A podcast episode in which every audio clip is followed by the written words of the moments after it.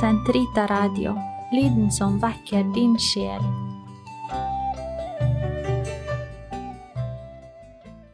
Kroppens teologi, en kommentar til pave Johannes Paul 2.s onsdagskatekeser av Eirik Ambrosius Stenhoff. Totus tuus ego sum, et omnia mea tua sunt, archipio te in mea omnia, prebe mi cor tum Maria. Episode 21 Fordypning Å nærme seg virkeligheten som et tegn. Del 3 Kroppen som tegn og moderne kjønnsideologi. Den andre hoveddelen av pave Johannes Paul 2.s katekeser om kroppens teologi handler om ekteskapssakramentet.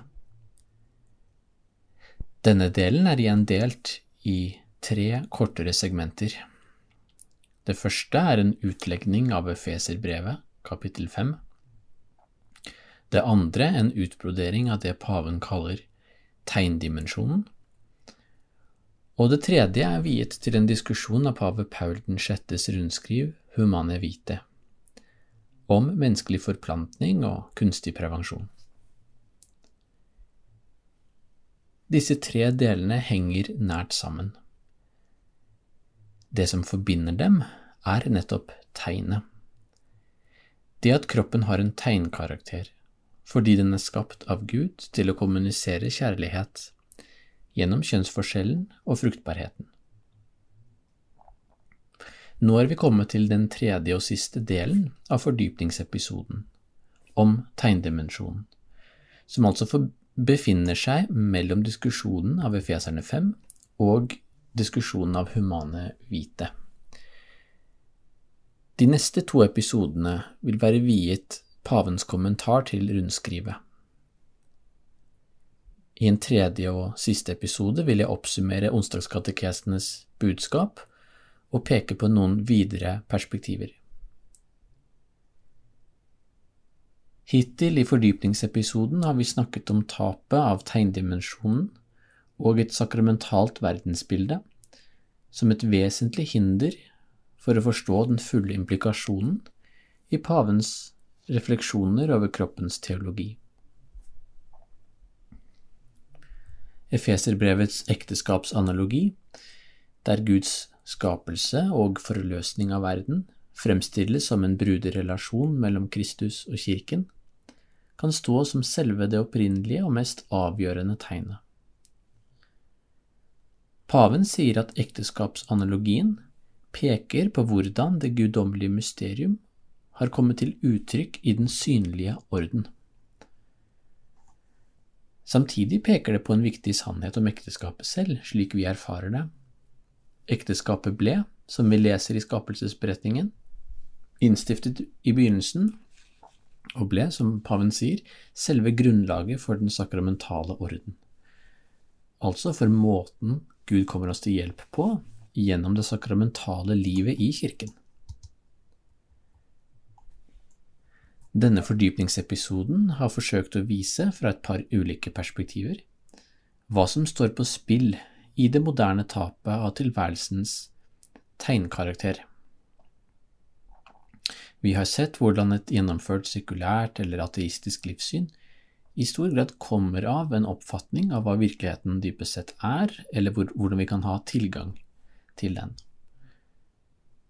Den moderne tenkemåten er formet av en eksklusiv tro på naturvitenskapens virkelighetsoppfatning og metode. Det har preget hvordan vi erkjenner virkeligheten. Den ateistiske forfatteren Yuval Noah Harari sier at religiøs tenkning handler om myter som en definerer som rent menneskeskapt fiksjon. Vitenskapen, på den annen side, handler om å beskrive virkeligheten slik den er. En slik spaltning mellom tro og viten, eller fakta og verdier, er ikke ny og ikke spesielt dyptlådende her, men den er svært utbredt i vår tid. Vi begynte denne fordypningsepisoden med å rekapitulere noe av det pave Johannes Paul 2. etterlyser med begrepet adekvat antropologi. Han mener at måten vi beskriver menneskets virkelighet på, ofte bygger på en reduksjonistisk forståelse av hva det er mulig å, å vite, og i antropologisk sammenheng ofte innenfor rammene av en mekanisk forstått darwinistisk biologi. Han etterlyser en adekvat antropologi som kan ligge til grunn for annen kunnskap som vi med rette søker om mennesket. Den adekvate antropologien tar utgangspunkt i menneskets vilkår fra skapelsen av. Og dette er den første delen av triptyken om kroppens teologi, i den første hoveddelen av onsdagskatekesene. Men det paven sier om mennesket her, er samtidig grunnlaget for den andre hoveddelen, om ekteskapssakramentet. Et viktig ord som vi var raskt innom i forrige del av denne episoden, går gjennom hele katekeserekken. Det er ordet senjo, tegn, som er beslektet med ordet significato, altså betydning eller mening på norsk. I katekese nummer 13, hvor paven beskriver hvordan mennesker ble skapt av Gud ut av intet, altså ut av kjærlighet, sier han, sitat, hver skapning bærer i seg selv tegnet, senjo, på den opprinnelige og fundamentale gaven. Sitat slutt. Og så sier han noe mer, nemlig at ideen om en gave har å gjøre ikke bare med at det finnes en giver, men at det må finnes en mottaker av gaven som er gitt. Og når vi gir et annet menneske en gave, dette kan vi jo tenke oss, må den andre motta den på en meningsfull måte for at det skal kunne være en gave og ikke simpelthen en transaksjon, for eksempel. Gaven etablerer også en relasjon mellom giveren og mottakeren, som ikke bare er preget av gjeld, som det ville vært ved en transaksjon kanskje, men av takknemlighet og kjærlighet, i en objektiv forstand. Paven sier at relasjonen som oppstår ved skapelsen av mennesket, kommer til syne i følgende berømte setning i første Mosebok Gud skapte mennesket i sitt bilde, i Guds bilde skapte han det.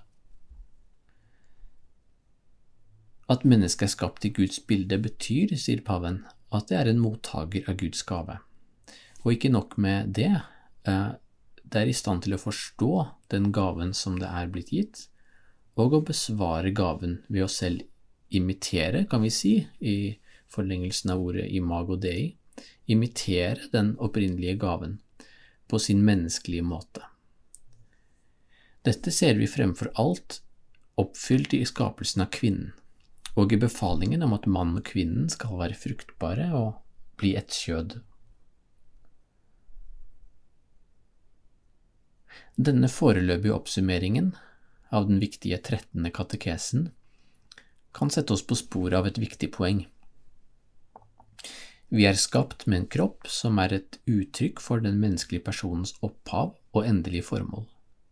Det som paven gjentatte ganger kaller for communio personarum, et fellesskap av personer. Det endelige målet er foreningen med Gud, selv et fellesskap av personer, men denne foreningen er også gjenspeilet på en reell måte i verden gjennom den fruktbare og livgivende foreningen mellom mannen og kvinnen i ekteskapet, som også danner en ny familie, en ecclesia domestica, en huskirke, som tradisjonen sier, som bærer menneskeslekten og de troende samfunn videre. Denne menneskelige identiteten kan avleses av kroppen vår og i fylden av menneskelig erfaring. Og Det er nettopp av denne grunn at den senmoderne avfortryllingen av naturen, av menneskelivet, har fått så dramatiske konsekvenser for familien og samfunnet.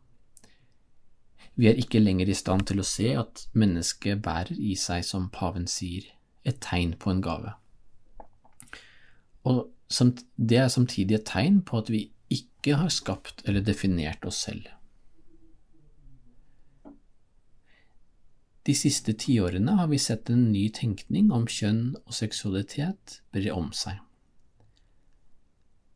Mange av de tendensene vi ser akkurat nå, har, som vi har vært inne på i tidligere episoder, sine intellektuelle forløpere i etterkrigstidens feminisme og seksuelle revolusjon. Et betent og omdiskutert tema er tanken om å være født i feil kropp. Vi leser eller ser dokumentarer om stadig flere menn og kvinner som opplever å være et annet kjønn enn det den biologiske kroppen deres tilsier. Dette forutsetter naturligvis et skille mellom naturen og personen, som går tilbake til tidlig moderne tenkning, eh, og også disse forutsetningene i det forrige århundrets tenkning, som, som nevnt. Men i vår tid har dette veldig radikale, denne veldig radikale tanken, født i feil kropp, blitt til kulturkamp og politikk. Og det er noe historisk nytt. En strategi i noen miljøer, også kristne, er å ignorere disse trendene. Man sier at de simpelthen er uttrykk for noen få enkeltpersoners kamp for å oppnå en mer helhetlig identitet. Deres følelser av ambivalens eller dysfori er utvilsomt reelle og bør respekteres som sådan. Det vil uansett ikke angå oss andre som ikke har disse følelsene. Denne strategien er imidlertid ikke holdbar, siden et samfunn som aktivt legger til rette for og til og med positivt heier frem enkeltmenneskers kamp mot sin egen kropp, er et samfunn som beveget seg langt bort og for langt bort fra den adekvate antropologien som må ligge til grunn for enhver politikk og vitenskap og tenkning. Det rammer alle borgere i samfunnet. Det rammer familiene, og det rammer ikke minst de enkeltpersoner som gjennomgår drastiske kjønnsoperasjoner og hormonbehandlinger på et vitenskapelig og antropologisk for tynt grunnlag. Hva har så denne nye kjønnsideologien med kroppen som et tegn å gjøre? Hele resonnementet vil det ikke være plass til her, men vi må kunne slå fast at siden menneskets kropp har en tegnkarakter, peker den forbi ikke bare vår egen vilje for kroppen, men i en forstand også forbi de kategoriene som den biologiske vitenskapen gir oss. Kroppen er noe mer enn bare en sosial realitet, men den er også noe mer enn ren natur i en naturvitenskapelig forstand. Den er for så vidt begge deler, men nettopp bare fordi slik en adekvat antropologi kan fortelle oss, fordi kroppen først og fremst er et tegn på Guds kjærlighet til menneskene. Og dette er noe som ikke kan fanges opp med biologiens metodiske forutsetninger og formål. I de neste to episodene skal vi som sagt se på Humane Vite og pavens refleksjoner over det han kaller en ekteskapelig spiritualitet det man ofte litt sjablongmessig kaller for et katolsk forbud mot kunstig prevensjon, springer ut av den antropologien vi har forsøkt å skissere så langt. Fordi kroppen er et tegn, og har det som paven kaller en ekteskapelig betydning, som igjen peker på Guds ekteskap med mennesker, slik Efeserbrevet 5 sier, har også kroppens handlinger et språk, og det kroppsspråket har vi omtalt eh, tidligere i eh, de foregående episodene. Og den neste gangen vi, vi, støter på ordene senio og significato, altså tegn og mening, er naturligvis her, i beskrivelsen av Humane Vites grunnleggende lære om den ekteskapelige handlingens to uoppløselige betydninger, den unitive og den prokreative. Det skal vi komme tilbake til i neste episode. Gloria patri et filio et spiritui sancto, sicut erat in principio et nunc et semper, et in saecula saeculorum. Amen.